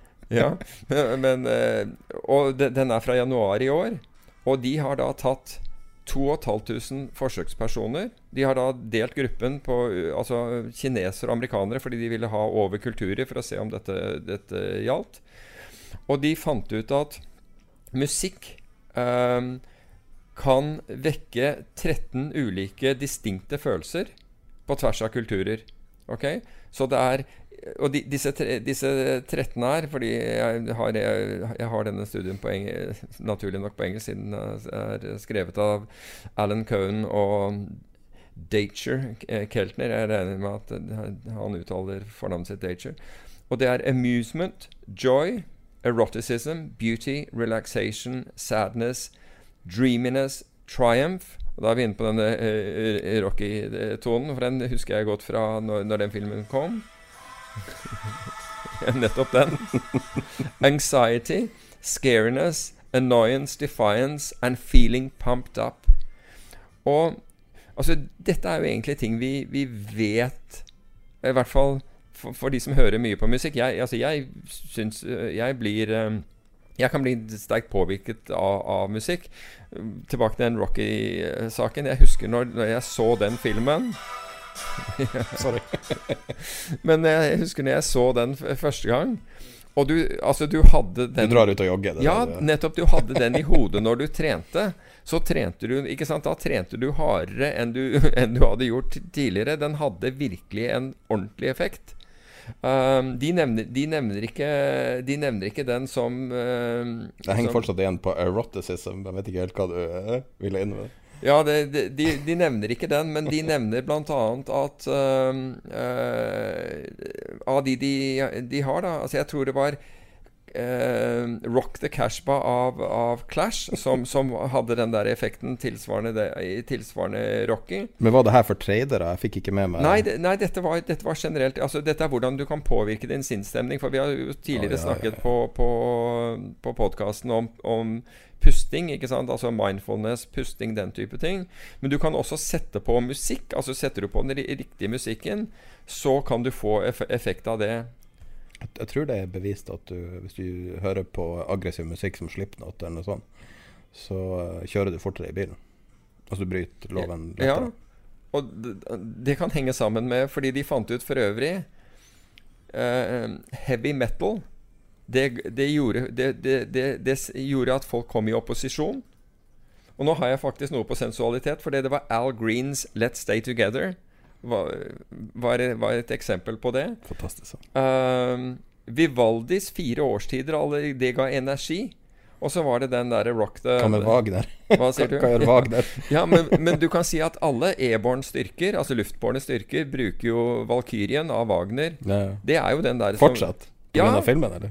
Nei, nei altså vi, den, den ble brukt Den ble, ble, ble brukt på fallskjermjegerskolen. Altså den ble brukt for, for å pumpe deg opp, den. Det, det virkelig. Okay, Hvordan følelse får du av det her, da? Min kanskje favorittsang ever. Som kanskje sier noe Er det sånn her man burde ha? Jeg tror den går i opp... Den, den, den, Er det før du trader? jeg tror den går i opposisjon. Ja, men det, er, er, Eh. er det her reflekterer det meg som person, da? At jeg er i opposisjon? Liksom? Så ja. Hva du hører på da? Altså, hva er det som eh, Nei, altså jeg, jeg, jeg, har, jeg, har ikke, altså jeg har faktisk ikke brukt musikk på, det, på den måten. uh, men jeg merker jo at musikk virkelig påvirker sinnsstemningen. Og det var først når jeg Altså Dette er kanskje selvsagt Eller dette er selvsagt for de fleste, men jeg har faktisk ikke bruk, brukt det aktivt for å endre sinnsstemning. Enda jeg vet jo at musikk endrer sinnsstemningen din. Så, så vi er kanskje Du vet, men, mennesker Altså, noen er veldig er synet den viktigste sansen deres. Andre er, er det auditi- auditive, altså det gjennom, gjennom hørsel. Andre er, reagerer enda altså har, er Den sterkeste sansen kan være lukt eller smak eller et eller annet sånt. Men jeg tror auditiv er veldig, eh, er veldig sterkt eh, på meg, fordi jeg reagerer eh, mye mer på Eller jeg reagerer, kan reagere ganske sterkt på musikk. Men jeg har faktisk aldri tenkt på å gjøre det på den måten, enda jeg vet jo at det fungerer. Og hvis du f.eks. skal ha et tøft eh, treningsøkt, så, så Altså hvis du da kjører energisk musikk foran det, så vil du liksom komme mer inn i inn sonen på det. Så eh, jeg syns i hvert fall Og nå har da Nå har da disse forskerne gjort en studie på det. Um, og, og, og sikkert vel verdt, å, vel verdt å lese uh, den, den studien. Men som trader så må det jo være Altså for eksempel eh, Jeg husker jeg hadde en mattelærer som uh, Som uh, hadde begynt å spille Beethoven. For det gjorde at du var mottakelig for informasjon, mente han da. Okay. Jeg lurer på om sånn i treningssammenheng om sånn type, fordi at det var sånne sinusbølger det fulgte, Mm. som var beroligende og åpner hjernen din. Er det, er det sånn du burde approache det som trader eller som investor? Eller? Jeg tror at Altså det er mye Altså Hvis du er daytrader, da, eksempel, så, så du er ganske aktiv i markedet, da, da går du gjennom mange sinnsstemninger. Og da må man Altså, du har disse hun, hun som uh, angivelig er um, er modellen for, eh, for Altså rollemodellen til, uh, til psykologen i Billions. Som er Denise, altså Denise Schull heter den virkelige psykologen. Altså hun Hun har jo dette her at du skal på en måte At når du gjør en handel, så skal du skrive ned på en måte den emosjonen du har når du gjør det. Altså som er i det du beslutter å gjøre den, og den følelsen du har, altså den emosjonen, emosjonelle følelsen du har etterpå. Og den tror jeg er ganske individuelt. Noen føler seg pumped up og, fordi de har en handel på og de føler spenning. Andre, andre føler frykt. Så det vil avhenge av altså Den som føler frykt, bør antageligvis ikke sette på musikken til Jaws, for å si det på den måten. For den, den, altså den, den har eh, Den brukes i den studien som et eksempel på eh, på, på musikk som, som gir frykt. De bruker den og så den, eh, det eksempelet pluss musikken fra Psycho med Hitchcock. Hitchcock eh, eller Hitchcock-filmen Psycho. Nå må jeg innrømme at jeg husker ikke hvilken eh, Ja, men hva, hva, hva tonen er i den, det vet jeg ikke. Er ikke det men, bare den lyden? jeg er ikke sikker. Men, men det er visst sånn så, det, det sørger for Altså, det får frem frykt i, i mennesker. Så hvis, hvis du er redd når du har, når du har satt på en handel, du, du frykter liksom utfallet av den, eller, eller hva som helst, så antakeligvis unngå den musikken, og heller bruke et eller annet som Ikke, roer deg ned. ikke ha Psycho på i bakgrunnen. Nei, ikke ha Psycho eller, eller, Eller, eller, theme eller from, American Psycho. eller, ja, eller Theme from Jaws eh, gående i bakgrunnen. Men, men ikke sant, ha noe som Jeg vet ikke hvordan fire årstider vi- vi- virker. det Kanskje den virker veldig bra. Parkelbells kanon er jo, er jo Jeg, jeg sykler litt inn og ut av Ride of the Valkyries. Her. Ja, det, ja. Men var det seriøst det her dere hadde i militæret? ja, er Ride of the Valkyries var Det er jo ja. nesten bestialsk. ja, altså men, Har du den her scenen her i hva er, det, på, på, på, Ja, men, men altså, den var jo ikke der da på, på det tidspunktet. Så, ja, den, ja, Var det da den kom? Mm. Ok, for jeg, jeg tror neppe jeg så den da, men øh, Men øh, men den har Altså, Valkyrien har alltid vært liksom the steam for airborne styrker, og det er way back. Wow. Så, og det er derfor den brukes i filmen. Er det Flight of the Bumblebee det det heter? Nei. Nei, det er en annen, kanskje. Nei, den, den, heter Ride of the Valkyries. Ja. Ja. Så um, Nei, det er jo episk. Akkurat som Pegasus ikke sant, er, er uh, Hva heter det for noe? Uh, holdt på å si maskot, men det er jo ikke det. Symbolet for, for luftbårne styrker. Ja. Og det er jo derfor den brukes i denne filmen. Er det det du var i? I hva da, i luftbårne? Luftbårestyrke? Ja, altså det det det. Ja, alle, alle som dropper fra himmelen, blir er, Det er det A-en er, liksom? Hva sier du? Er det det A-en er? A? A-en i, i din uh, militære karriere? Å ja, ja, det, ja, den er air. Det står for air, ja. Ja. Riktig. Så, øh, men, men alt, som, hvor, alt som kommer Altså hvor du dropper styrker fra, fra, fra fly, er regnet som luftbårne styrker. Innsatsstyrker. Så, øh, så eh, men, men der, altså, akkurat der, i spesialstyrkene, var det ikke noe musikk, men det var bare skrik og bråk. Nei, det var, var ikke det engang, for det var ingen som skrek til deg. De bare, bare henstilte deg til å, til, til, til å nå målet innen den tiden, ellers så var du ute. Så det var jo ganske greit. Det var ikke så mye, var ikke så mye hyl og skrik. Men, eh, men på fallskjermjegerskolen så var det Der var det, der var liksom, der var litt annen stemning, for å si det på den måten. Du trengte ikke ha Jaws spillende om natta der, det kan jeg love deg. Der var, der var det frykt nok. Men uh, Hva frykt på natta? ja, du frykta dag, dagen etter. Men ikke du, du kunne sove? Ja, altså, du, du gruet deg jo fælt for Ja, men du fikk ikke juling på natta, liksom? Ja, det skjedde også. Å, herregud. Det skjedde. Jesus. Ja, de hadde noe som het bumpers. Altså Greia var at det, det oppstod jo personkonflikter ikke mellom, mellom eh, folk under, under den treningen.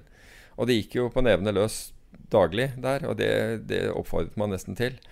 Men eh, så Bestialsk. Ja. Men så var det noe som het bumper, og det er en bumper Gulvene var av eh, linoleum. Og de ble bampra hver dag med en sånn jernkloss med, med et kosteskaft i. Så, og du hadde på noe sånn eh, eh, bonevoks, da. Så, så bonet du disse gulvene, og den bumperen var ganske tung. Så eh, hvis noen virkelig ikke likte noen, så hendte det at en eller annen ble bumpert på nattestid. Så du, du, du sov ikke så veldig godt. Så det var eh, det, det var jeg, Det høres bokstavelig talt ut som et mareritt. Ja, Jeg tror tror jeg drømte at jeg sloss i natt, faktisk. Ja, sov litt så- dårlig. Føler jeg liksom Så, du, så det, det skulle ikke mye lyd til før at alle sto klare, liksom, for å si det på den måten. Du var i, Jesus du gikk i du, Hvor lenge er det her? Det gikk i eh, 22 uker. Du går i, du går i konst, konstant spenning. Men er ikke det usunt for sjel Jeg tror det. Sover. Jeg kan ikke forestille Jo, jeg tror det, men, men her er målet er å få en viss type soldat uh, fram. Og det er, f- det er ekstrem, ja, det er ekstrem, ekstrem forskjell f.eks. på norske fallskjermjegere og engelske fallskjermjegere. Altså Engelske fallskjermjegere stormer maskingeværreder og gir seg ikke. Det så du under Falklandskrigen. ikke sant? Det er helt til en, en eller annen kommer frem og, og får ordnet opp. Men, mens norske er jo mye mindre enhet og lærer å, å, å ta seg av seg selv og tenke selv og, og, den type, type ting. Så Norge har jo på en måte ikke en sånn Har jo ikke bataljoner av fallskjermjegere. Så de, de har mer spesialister. Så det er en mye mer spesialistutdannelse å være Hva er best, liksom? Altså, du, sånn, ja, Det kommer an på du, hvilken ty type eh, krig du skal. ikke sant? Altså Når du har bataljoner med fallskjermjegere, hvorpå England den gangen hadde tre, jeg vet ikke om de har flere nå, bataljoner å sende, da, da er det ganske mange mann som kommer. Det er Altså. bataljonen? 100? Nei, det er flere hundre. Det er flere hundre. Så en tropp er jo noen og tjue, ikke sant. Så, og det er jo mange, mange tropper i, i, en, en bataljon. Så det er i hvert fall et par hundre, men det er antakeligvis mer enn det òg. Hva er skumlere? Å være i strid, eller å være nært en margin call? Altså hvis du virkelig har fucked up. Hva gir deg mest fryktfølelse? Det er to forskjellige ting. For i strid så er du mer redd for å fuck up. Altså ikke gjøre jobben din, er faktisk det du er mest eh, eh, redd for. Altså at du ikke gjør den oppgaven du er satt til. Det kan være å beskytte en annen ikke sant? I, i, i eh, bevegelse og ild og den type ting. Uh, mens i en margin call så er det jo bare deg og, og, og, og, din lommebok det dreier seg om. Så det er en litt annen Det er en helt annen greie. Men uh, jeg tror ikke noen syns, at- at, noen av delene er hyggelige, men det er en, det er en annen type en annen type frykt. Jeg tenker på den finansfrykta hvis du fucker opp på et eller annet vis finansmessig, om det er enten det er en trade eller privatøkonomi eller whatever. Så det er litt den der gufs nedover ryggen er på en måte en litt sånn Det at du på en måte entrer det ukjente. Ja, Mens når du er i strid, så er det en annen følelse, skal jeg tro. ja fordi den er, den er mye, mye mer kompleks ikke sant, eh, å, å forholde deg til. Eh, Men det er jo veldig den derre å ikke gjøre din del av oppgaven. At du ikke får gjort din del. At du blir, ikke sant, du blir veid og funnet for lett. Altså, the fear of fucking up er større enn the fear of death. Og det er virkelig. Men, men sånn var det også i, i uh, Husk på, jeg var redd for høyder og, og hoppet fallskjerm også. Begynte å hoppe fallskjerm sivilt et, etter tjenesten. Flere år etter tjenesten. Men da Og da husker jeg jeg snakket med Han var veldig god fallskjermhopper. Jeg var i Paris i, i California. Og, og på det tidspunktet var jeg veldig, fortsatt veldig redd for høyder. Og så, så, spurte jeg han om han ikke noen gang var redd. Jo, og det var han. Men han var, det, det, var the fear of fucking up. Og det, og det liksom Da, da forsto jeg virkelig hva han mente. Og da gjaldt det i en formasjon, for du hoppet sammen med noen, og være den som gjorde at ikke dette her Være den ene som gjorde at dette ikke ble vellykket, og, og, den type ting. Og det er mye press på deg. For du skal fly kroppen din i forhold til en haug andre mennesker i lufta, og ikke komme i veien for folk osv. Så, Og det, det, leder oss egentlig godt inn på, på den, eh, den, andre studien, som, siden vi fortsatt er på, på eh, psykologi. Og denne her, denne her, er også interessant eh, for, for, Jeg vet at militæret også ser på, på, disse studiene. og Dette er en studie som er eh, gjort av Dave Collins og, og, Amy McNamara. Og den heter The Rocky Road to the Top. Why Talent Needs Trauma. Og de har da sett på atleter altså de ikke, Dette er ikke noe som er mot, mot militæret, men militæret har, tar ofte ting I hvert fall idrettspsykologi i, anvender eh, psykologi som blir brukt i idrett, til, til, til, eh, også i sitt domene. Og det disse finner ut, er at for, for, det første at alle atleter, uansett hvilken sport du driver i, vil ha perioder hvor det ikke går så bra. Og det samme gjelder i trading. Du har perioder hvor det ikke går så bra av en eller annen grunn. Så får du markedet mot deg. Du, du, you can't figure it out. Jeg har hatt også lange sånne perioder. Det er ingenting du gjør som er riktig av en eller annen grunn. Det virker som alt du gjør, er feil. Og de så da på hvem var det som hentet seg opp igjen fra det. Hvem var det som hentet seg opp og ble bedre? Og det var større sannsynlighet for at du klarte å gjøre det hvis du hadde hatt en eller annen form for traume i livet ditt. Altså, det kan være altså for, mitt, for, min del, da, hvor jeg mistet faren min da jeg var 16, i en ulykke. Men altså mange andre ting. De hadde hatt ordentlig motgang et eller annet sted i livet. altså kan være fra dårlige kår, barnehjem, hva som helst. Et eller annet som har gjort at de har hatt en, eh, en, kraftig, en, en ordentlig utfordring. De viste større resilience, altså evne til å, å håndtere denne midlertidige motgangen og komme tilbake igjen fra den. Det er jo utrolig interessant, da, fordi alle amerikanske presidenter har jo én ting til felles, hvis du går tilbake til starten, som er at de hadde dødsfall i nær familie i barndommen. Ja, du nevnte det, ja. Og, så det gir deg kanskje en, et annet gir som andre ikke har. Men, men, det rare med det er at i hvert fall for, for, egen del så følte jeg liksom at det var en ulempe. Altså Jeg følte selv at det, det var en ulempe, for jeg hadde ikke hatt det som de andre hadde. Jeg hadde ikke hatt den stabiliteten som andre hadde, så jeg følte faktisk at, at det var en ulempe og noe jeg måtte, måtte komme videre fra. Da. Altså, jeg følte at det, det gjorde det, det, det, gjorde stigningen litt brattere for meg. Men i virkeligheten så gjorde det kanskje ikke det. Det gjorde muligens det motsatte. da. Og det, og det er i hvert fall den, det den studien viser, er at er at, at, det er slett ingen ulempe. Jeg vil ikke si at det er en fordel, fordi du, den traumen er den traumen den, Det er det den er. Men Man kan jo si survivorship bias også. Fordi at, at det ene følger ikke det andre. Ja, men her har de testet Her har de testet på alt at det er ikke bare survival Ja, altså, det altså blir... jeg mener at dem som lykkes, sånn, ja. så sier man å ja, traumen var medvirkende årsak, men så kan man si men hva med alle dem som hadde traume, som ble narkoman og bare døde når de var 40 år? Ja, og det er helt riktig. Det, det er riktig, fordi, og det, det, tar ikke denne studien for seg. Den, den tar for seg atleter i forskjellige faser og ser på uh, altså utviklingen, hvordan det går med dem. Fordi ingen har en rett linje. Og Det må man huske i, i, trading også. Kommer en, det kommer ikke til å være en 45 grader eh, linje som går oppover. Du vil veldig ofte pga. deg selv, men også fordi markedet endrer karakter. Og, hvis, og det mindre eh, Eller går i andre faser, og det mindre eh, erfaring du har, det, er, det større sjanse er at du taper i den fasen. F.eks. så har du folk som bruker glidende gjennomsnitt. De kjøper Hvis aksjekursen går over et, glidende gjennomsnitt, så, så, kjøper de. Og det fungerer veldig bra så lenge markedene trender. Trender kraftig. Annen, altså, hvis du kjøper, så, så, betyr det at det trender oppover. Men så kan det komme La oss si at det kommer et år eller noe sånt. Se, se hvor lenge gull har stått stille. Det har gjort at de fleste har, har mistet troen på gull før det nå ikke sant? Og nå har det gått mye før, no, før, før troa, trua har dukket opp igjen. Og det samme var det ikke sant? når bitcoin gikk rett opp, så mistet man trua og lå der nede på under, under 10 000. Det lå nede på 7000-8000 en, en stund. De mistet fullstendig troen. Den type indikator virker ikke. Og så, når, den, når, det endelig virker, så har du ikke tillit til den lenger, fordi du har blitt vippet ut og inn uh, et antall ganger, og du har liksom mistet, uh, mistet draget da, i dette.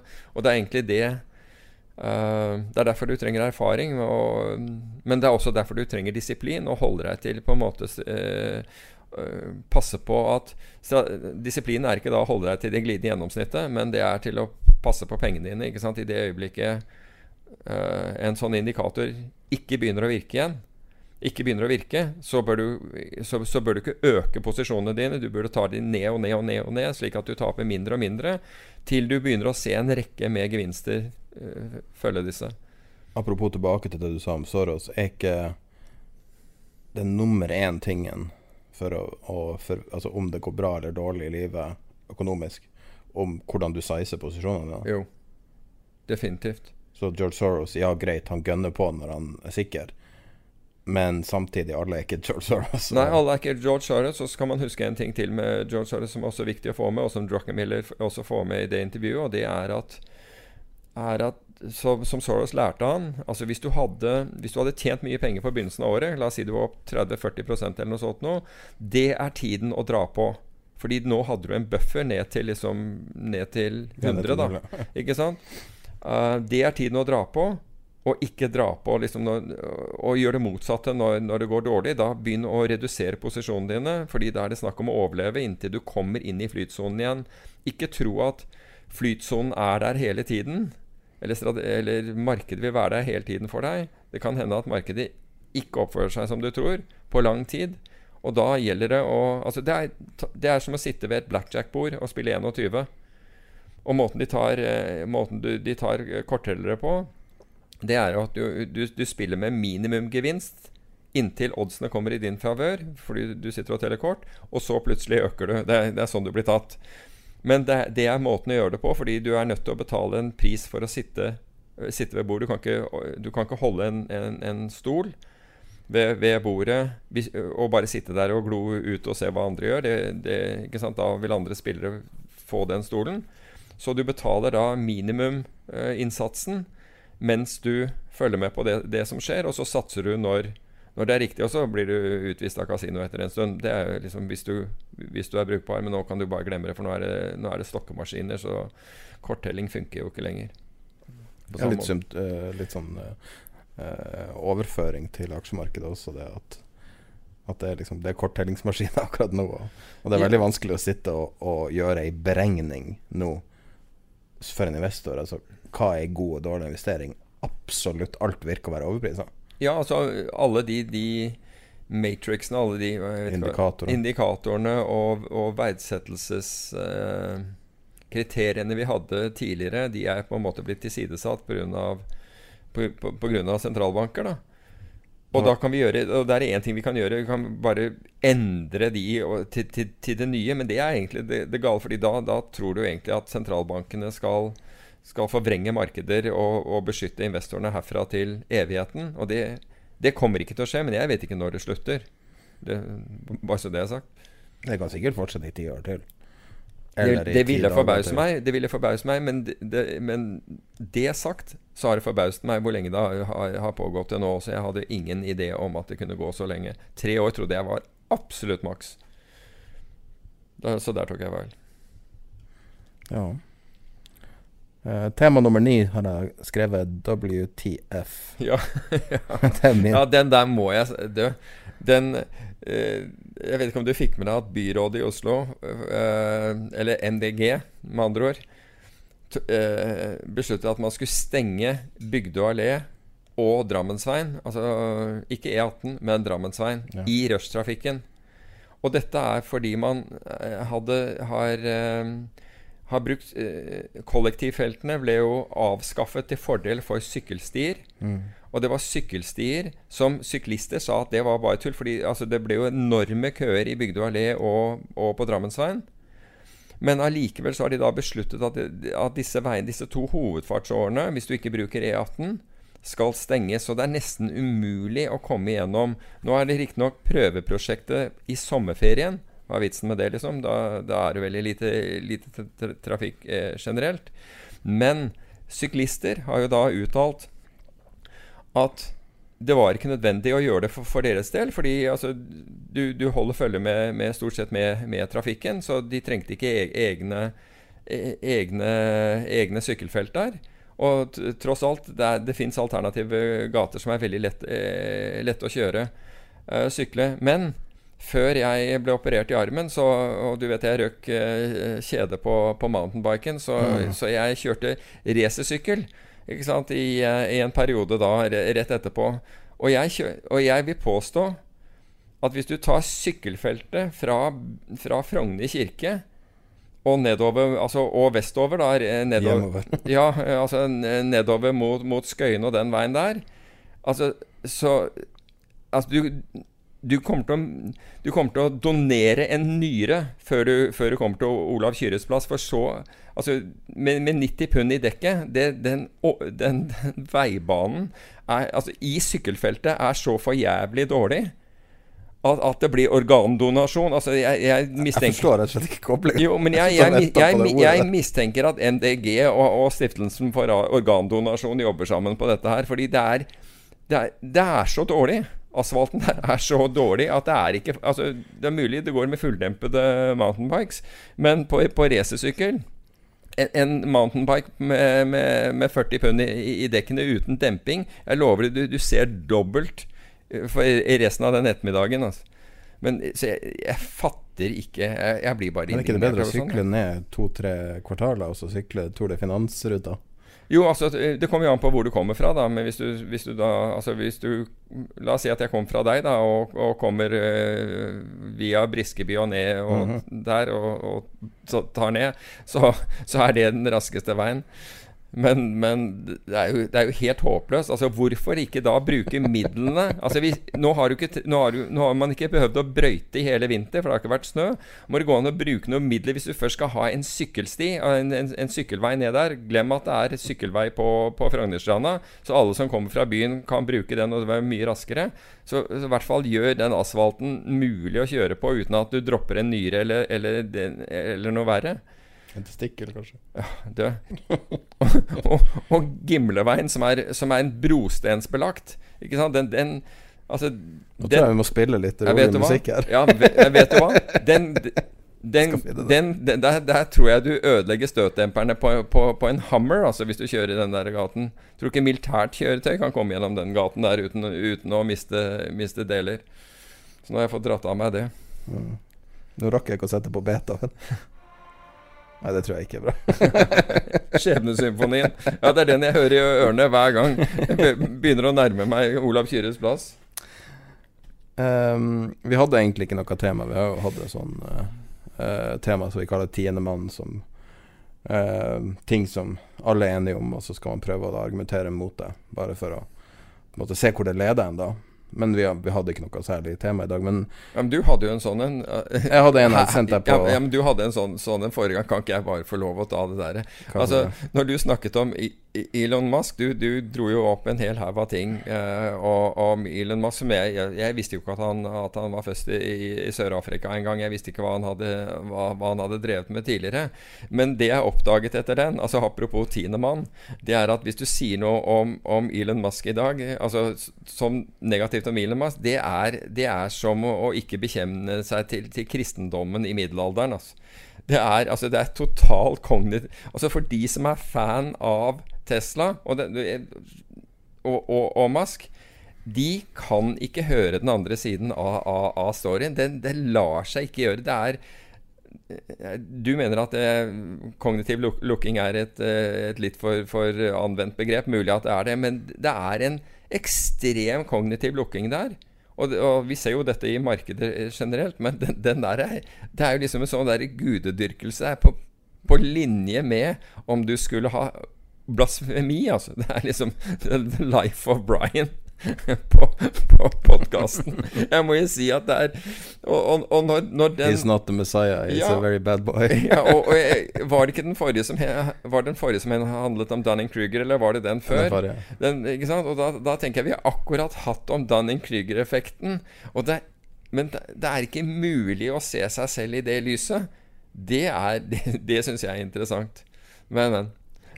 Jeg foreslår at vi bare ikke diskuterer Ja, nei, det er greit. mye med. Nei, det er greit. Men gå til, gå, gå til din uh, greie. Jeg, må, jeg måtte bare dra den av. Å ja, nei, det var, det var jo noe vi hadde diskutert så vidt mellom Mm. oss eh, siste uken. Som var tilsynelatende altså, veldig destabiliseringa i USA om dagen. Som for hver dag som går, når du ser eh, bilder fra Bilder fra Portland nå spesielt. Mm. Altså, full krigssone. Greit nok at det er litt det er litt sånn at det er litt sånn piktoreske bilder. Jeg skjønner det at det kanskje ikke er så ustabilt som det ser ut som. Men uh, satt og lurte liksom på hvordan man skulle summere det opp og, og kalle det den amerikanske våren. Altså at det her er At folk virkelig fighter tilbake etter uh, 30 år med infernalsk inflasjon i prisene på uh, sykehus og utdannelse, og u mellomklassen er Og urett... u- u- ja, altså mellomklassen er utradert. Og, Ja. Eh, og så bare Og- en helt Og Black Lives Matter, det har jo ja, ja. Ikke sant, det er jo mange ting som har, har nå rasisme. som er- boblet til, til, til um, Og så har du en studie. Jeg nevnte det at eh, det var eh, At de hadde gjort en studie FBI hadde gjort en studie av law enforcement, og at det hadde blitt infiltrert av white supremacy-bevegelsen. Og det er jo sånne ting som har, har blitt sagt før, eh, sånn i liksom i, i, i, i bisetning. Mm. Men du ser masse tegn til det, og så fant jeg fram til den studien fra 2006. Jeg legger den som en link til uh, Som en link til, um, til podkasten. Men at det her er en høyst reell ting at, at politiet er veldig langt på høyresida, tilsynelatende, da. Og ut fra de studiene Jeg har jo ingen formening sjøl. Men så er spørsmålet hvor ustabilt er USA egentlig nå? Er de, er de som Egypt eh, Jeg husker ikke om det var 2013 eller 2012. Tunis. Ja. Begynte i Tunis. Og da var det jo Hvis den arabiske inflasjon våren. av, eh, av rispriser som var en sånn underliggende usynlig effekt som, Ja. som forårsaka trolig Og så var det en enkel, en enkel sak som i, ja, i Tunis som han som tente på seg sjøl. Ja, riktig. Men mange mener jo at det er eh, Nå bruker jeg litt Donald Trump med retorikken med å si 'mange mener', men, Mm. men det er i hvert fall et utbredt argument om at uh, inflasjon i rispriser var årsaken til det. Og så har vi jo tidligere i år, eller i fjor, var det inflasjonen i eh, svinprisene i Kina. Og så har du da en generell inflasjon i alt av, uh, av det som er viktig nå, i USA spesielt. Det at det koster 2500 dollar å ta en ambulanse, f.eks. Mm. Uh, sånn at altså det er, helsevesenet er nesten utilgjengelig for en betydelig del av befolkninga. Ja. Og hvor lenge kan det vare? Liksom? Hvor ustabilt er USA? Ja, altså, jeg, føler jo, jeg føler jo at det er, u, at det er i, u, i økende grad u, ustabilt. Og jeg føler jo at dette har kanskje har noe med at vi nærmer oss uh, uh, at, at si, vi, nærmer, vi nærmer oss valget, og, og, at, uh, og, og at valgkampen på en måte har begynt. Det er, det er jo ikke tilfeldig at uh, disse soldatene, som er da Homeland Security uh, Det er ikke militære, men, men det interne sikkerhetsapparatet eller, blir da sendt til kun til demokratiske stater. Altså det er jo eh, og, og, og det gjøres et nummer av. Det er eh, PPE-utstyr ble prioritert til republikanske stater også, ja. når det var mangelvare. Mm. Ble sendt til Florida når det ikke var korona der. Det, Så, nei, men jeg, jeg syns jo at, eh, at det er til eh, Det er til bekymring. Jeg syns det drar seg til. Og plutselig så går eh, Var det ikke våpen av ved angivelig et uhell, og noen blir drept, og Ja, du har fått sånne nye Fått sånne nye eh, paramilitære styrker. Nettopp. Hva det heter for noe? Jeg tror det heter AFAC. Association of Not Fucking Around. Eller et eller annet sånn helt okay. sånn idiotisk. eh, som er da en uh, uh, Altså svarte amerikanere som marsjerer med automatvåpen i gaten som om det er en, en militær styrke eller en paramilitær styrke. Og som tilsynelatende har uh, altså, Og de har uh, like like aggressive motparter på høyresida Ja. som, uh, som står liksom på andre sida av gata. Og de står tilsynelatende med fingeren på avtrekkeren og kule i uh, kammeret. Uh, fordi at noen, noen av de våpnene går av, da. Ja. Og så begynner du å lure hvor lite skal til for at noe veldig alvorlig skjer? At 100 mennesker blir skutt, eller noe Altså, sånt? husker den var det Kent State, hvor det er universitetet hvor, hvor mange studenter ble skutt. Og, altså, jeg føler jo at, at, at lunta brenner her, på en måte. At plutselig kan dette her gå ut, ut, ut av kontroll. Ja, jeg, jeg føler jo liksom at man brygger opp til en, situa en situasjon, og jeg vet ikke hva er Altså, den, den Det å sende inn Altså, tidligere så har det jo vært slik at guvernører og borgermestere har bedt om føderal støtte ved uro. Men her er det jo det motsatte. De ber jo ikke om det. De, de vil ikke ha den. Den, den blir påtvunget dem fra Det hvite hus. Og det er, jo en, det er jo en helt ny situasjon, etter min oppfatning. Um, og her er én kar som driver og kjører dette, uh, dette løpet, og som, som forsøker å bli gjenvalgt, og som da på direkte spørsmål fra, på Fox om han vil uh, om han vil gå av hvis han taper, sier at jeg, eh, jeg legger ikke skjul på at jeg er en veldig dårlig taper, men jeg taper veldig sjelden. Og han vil ikke svare på det om han vil da gracefully akseptere at, at eh, en motkandidat får flere stemmer. Men helt sånn praktisk, hvis han taper valget som han ligger an til nå uh, Hvis man stoler på meningsmålinger, noe som feila forrige gang. Ja, feil, vel å merke. grovt forrige gang. Uh, men en, normalt sett så uh, presidenter der det er veldig stor arbeidsledighet, har vel en tendens til å tape sittende president. Er det ikke sånn det er? Ja, det har vært det. Ja, men nå er jo ingenting normalt lenger. så Nei. Men eh, rent formelt sett så er det vel den eh, kommende presidenten som kontrollerer militæret implisitt. Det er det, ikke sant? Og, og, Og du må ha militæret for å gjøre et statskupp, hvis det er det man snakker om. Ja. Og militæret har jo gitt en ganske grei beskjed om at det ikke vil bli brukt eh, politisk. Det, det ga man jo, det var jo flere som reagerte på. eh, Trumps forsøk på å bruke dem. Og de ga helt klart beskjed om at det var ikke deres mandat. Hvem er det helt spesifikt som har kontrollen over militæret? Er det en general, eller er det en samling generaler, eller? Det vet jeg ikke. Det må jo være én øverste eh, Egentlig så er det jo forsvarsministeren. Ja, men hvem er som er Men- Men, men- egentlig er det ikke Nei, forsvarsministeren det- nei, som folk er Det er jo ikke det. Til. Men- det vil jo være Altså, det vil jo være Jeg vet faktisk ikke om det er Altså om de har én for hver av, av, av sine styrker. Altså Det vil jo være en sjef for eh, Luftforsvaret, sjef for Marine Corps, Hæren, eh, flyvåpenet og, og sjøforsvar, ja, Sjøforsvaret, det, Marinen, for å si det på den måten. Um, men jeg vet ikke om det er én Commander in chief. Det, var, det har jo vært det under Hva er kampanjer. chief of staff? Det er ikke det? Nei, Chief of Staff han, er- han, det, Chief of Staff er Chief of Staff i Det hvite hus. Han er stabssjef Hvite hus. Okay. Um, men, men altså, du har Army Chief of staff. Men det er jo helt sykt å ha den diskusjonen her. Ja. Vi, altså, man vet ikke helt hvordan den der eh, Og de aller fleste vil, vil, altså, forholder seg antageligvis ikke til dette og ser på nyhetene og tenker OK. Ja, altså, jeg, tror, jeg tror oppriktig ikke at Trump kommer til å, til å gjøre det. Han sier mye idiotisk så, som, som da bare er bare snakk. Jeg kan ikke forestille meg at, at det her er, er en mulighet, men uh, Uh, Og så har du oppi alt det her Så har du Ghislaine Maxwell, som da tilsynelatende sitter på et arsenal av beviser mot mektige folk. ja. Ja, hvis hun var så nær uh, Jeffrey Epstein som uh, Som uh, media skal ha det til, så burde hun jo ha den samme kunnskapen som han hadde. Det er angivelig også dokumenter og video. Det vil jo være Ja.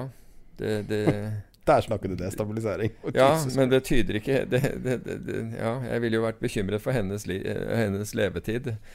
Uh, hvis hun virkelig, virkelig sitter på alt dette her. Hjelpe meg. Altså Han døde da i et maksimum, et, et maximum security-fengsel hvor eh, han skulle ha 24 timer overvåkning, og begge de som skulle holde vakt med han, sovnet, og jaggu om ikke kameraene sluttet å virke når han hengte seg òg, gitt. Hadde ikke han sånn papirklær på seg i tillegg? Eller er det Jeg så hun hadde det i hvert fall. Okay. Det var sånn anti-selvmordsklær. Ja, nettopp. Så, Så- nei, det Verden er litt uh, merkelig om dagen, Ja. altså. Jeg, jeg satt og filosoferte over hva, hva vi trenger nå. For det hadde vært så fint hvis det skjedde noe bare normalt i verden. Men jeg vet ikke engang hva det skulle være.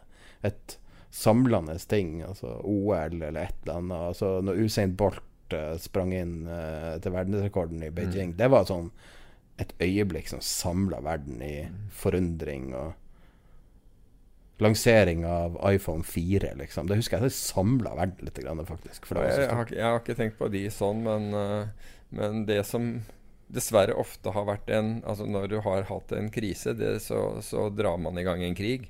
Det har jo riktignok ikke Trump gjort enda, men eh, Men eh, har, har jo Og i tilfelle så, så virker det som Iran er eh, ganske eh, utsatt. Så Men vi får håpe. Altså, det, dette blir jo dette, det, Man får jo liksom litt sånn Tenker at det, det, dette er ikke tanker som man nødvendigvis skal ha på lufta, men eh, Men at det er en bekymring Altså, jeg føler jo at, at, det er, eh, at det er en genuin grunn til å være våken her. Fordi hvis noe skulle skje, så, så endrer jo landskapet seg voldsomt. Altså hvis altså, Det som er skumlest av alt, er jo hvis USA sin rolle i verden, økonomiske rolle i verden, forvitres betraktelig. Ja, At dollaren svekkes, eller Ja. kanskje mister sin status. ja. Da er det jo helt totalt ja, Texas. Ja, er, Altså, det, da, er er Texas fordi alle betalingsstrømmer og, og, og, betalinger er egentlig fundet på dollar. Da. All, eh, og det, det gjelder jo også Det gjelder også finansiering. ikke sant? Altså mm, Nasjonal finansiering til en haug av land, de fleste land, er jo avhengig av, av dollar i utgangspunktet. Det er dollar som da veksles til, til eh, lokal valuta. Fordi det er, det er nummer én funding-valuta i verden. Hvis du ser på Altså Man kan jo forberede seg på alt mulig. Så Hvis du ser på Norsk Hydro da, Tapte de ikke 16, jeg tror det var 16 millioner dollar på den der uh, hackinga? Der utpressingssaken deres. Og de var en av de mest forberedte selskapene på jorda mot et sånt angrep. I tillegg til at de hadde en slagplan. De hadde, de hadde uh, gått gjennom det der på forkant. De hadde en, en playbook. Så hadde de en kar som satt og fulgte med i praksis uh, når det skjedde. Som klarte å begrense skadene. På tross av det så tapte de Ja, eh, over 100 millioner. Og, og det var med en playbook. Kan du tenke deg verden med en tilsvarende Mm. det, Når man ikke har nok av playbook Det er ingen uh, Altså, man har masse ubåter og masse atom, atomvåpen og alt sånn. Altså, hva man skal gjøre med det? liksom Hvem er det du skal skyte på? Mm. Seg sjøl? Jeg vet ikke. Man har liksom masse, masse ting som Utrolig mye dyrt hardware som ikke er brukende i den moderne verden, der man driver og har uh, gatekriger i Portland. Ja. Det er bare, er bare Det er bare så merkelig å lese. Man er bare blitt helt Og det er jo altså Og tenk deg hvis Hvis, hvis altså, Som er den, den fortsatt den, den eh, lave sannsynligheten noe, noe, skulle, noe skulle skje, da. Så er da Så har vel al, så har aldri investeringer vært så konsentrerte som, som de er i dag. Ikke sant? Det er aksjer og obligasjoner som det, gjelder, og, har, og porteføljer har aldri inneholdt så mye aksjer som, som de gjør. Så, så diversifisering har, har man omtrent fullstendig glemt. Så du kan jo tenke den, den formuesforandringen som vil komme hvis noe ordentlig skjer. Men det er jo alltid sånn. Altså det, er det er jo ingen som tror Det er jo nettopp det at ingen tror at det skal skje, som, som, som, er, som er på en måte faren for at ting kan skje. For hvis vi trodde at hvis, hvis man var våken og trodde det, så ville man begynne å, å ta forholdsregler.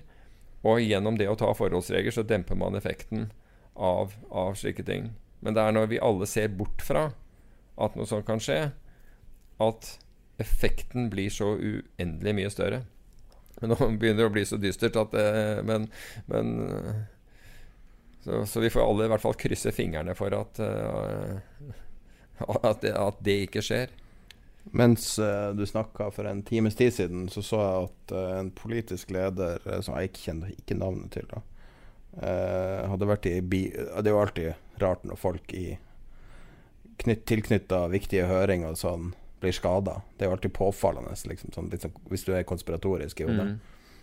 Og da så jeg at Jeg tror det var leder av justiskomiteen i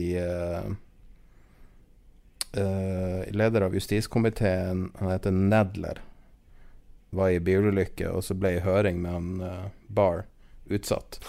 Ja, for den, den skulle være det, Ja, det er tirsdag i dag. den ble skulle være i dag. Den ble utsatt, for han var i bilulykke. Og så tenker man bare Åh, bilulykke, hvorfor måtte det være i bil... For det er jo Hvis man har den konspiratoriske ja. tankesettet, så er jo hver bilulykke er jo, er jo fingert. Ja. Eh, jeg sier jo ikke at det er det, men jeg lurer på liksom hvor lite skal til for å være triggeren. Jeg vet ikke, men eh, i akkurat det du sier, så ser jeg nå Florida total coronavirus deaths up 191 on Tuesday. The highest single day in increase since pandemic started. Så det, så det er et par ting å, Altså å, Du kan jo gå å henge fingeren i her, føler jeg. Men du kan jo bare gå på den der worldmeters.info, Ja. sånn, og så går du og ser på daily new cases. Uh, og du ser jo at det spiker jo regelmessig nå. Ikke akkurat de siste to-tre dagene, men det har, eh, man har I Norge har man jo diskontert korona nesten helt nå. Det er ikke mye snakk om det, annet enn at man ikke kan dra til Strømstad. Så Strømstad, Spania. Ja. men, eh, eh, men det er jo det virker, altså det virker jo som være noe vi bare må leve med. Veldig lenge. Ja, det er vel ikke noe Altså, Man snakker jo om uh, å hoppe over en hel haug av, av, av, av tester før disse vaksinene. Noen snakker Høres ut som Trump. Some people tell me. Uh, Trump hadde så stor påvirkning. ja, nettopp. Uh, Måten men- man snakker på. Ja, det er jo det. Men ja, Nei, jeg, jeg vet ikke. Jeg vet ikke. La oss, la oss ja, Prepare for the worst and hope for the best. De tre H-ene. Det er jo veldig bra hyttemarked nå. Men det er ikke akkurat de type hytter når du skal flykte fra Når du skal sitte med hagla di og hermetikken. Nei, det bør være Det må være uten strøm og uten innlagt vann og sånn. Ja. For det går ikke med en gang. Ja, så hvis du hiver på deg en sånn ja, hytte, så Og er det i Nordmarka, så får du grave litt rundt hytta og se om du kom, kommer opp med det sølvet som jeg nevnte ble, ble gravd ned for, eh, for eh, da, da sølvprisen var i 50. 50 dollar. Det kan ikke være så mye sølv, da. For det er så dyrt. Jeg vet ikke. Så det noen hundre kroner. Mm. Nei, da tror jeg vi eh, kanskje avslutter vår uh, uh, litt uh, depressive episode. det var ikke meningen å gjøre den så, Nei, så dep depressiv, men jeg, jeg tenker jo at det er greit at, at man, man reflekterer over det. Man bør ikke være enig med oss heller. Den amerikanske våren. Det den, fant jeg på. den amerikanske ja, Jeg vil ha to kroner hver gang noen bruker det. Ja, amerikanske våren. Episode 83. Mm. God jul. God jul.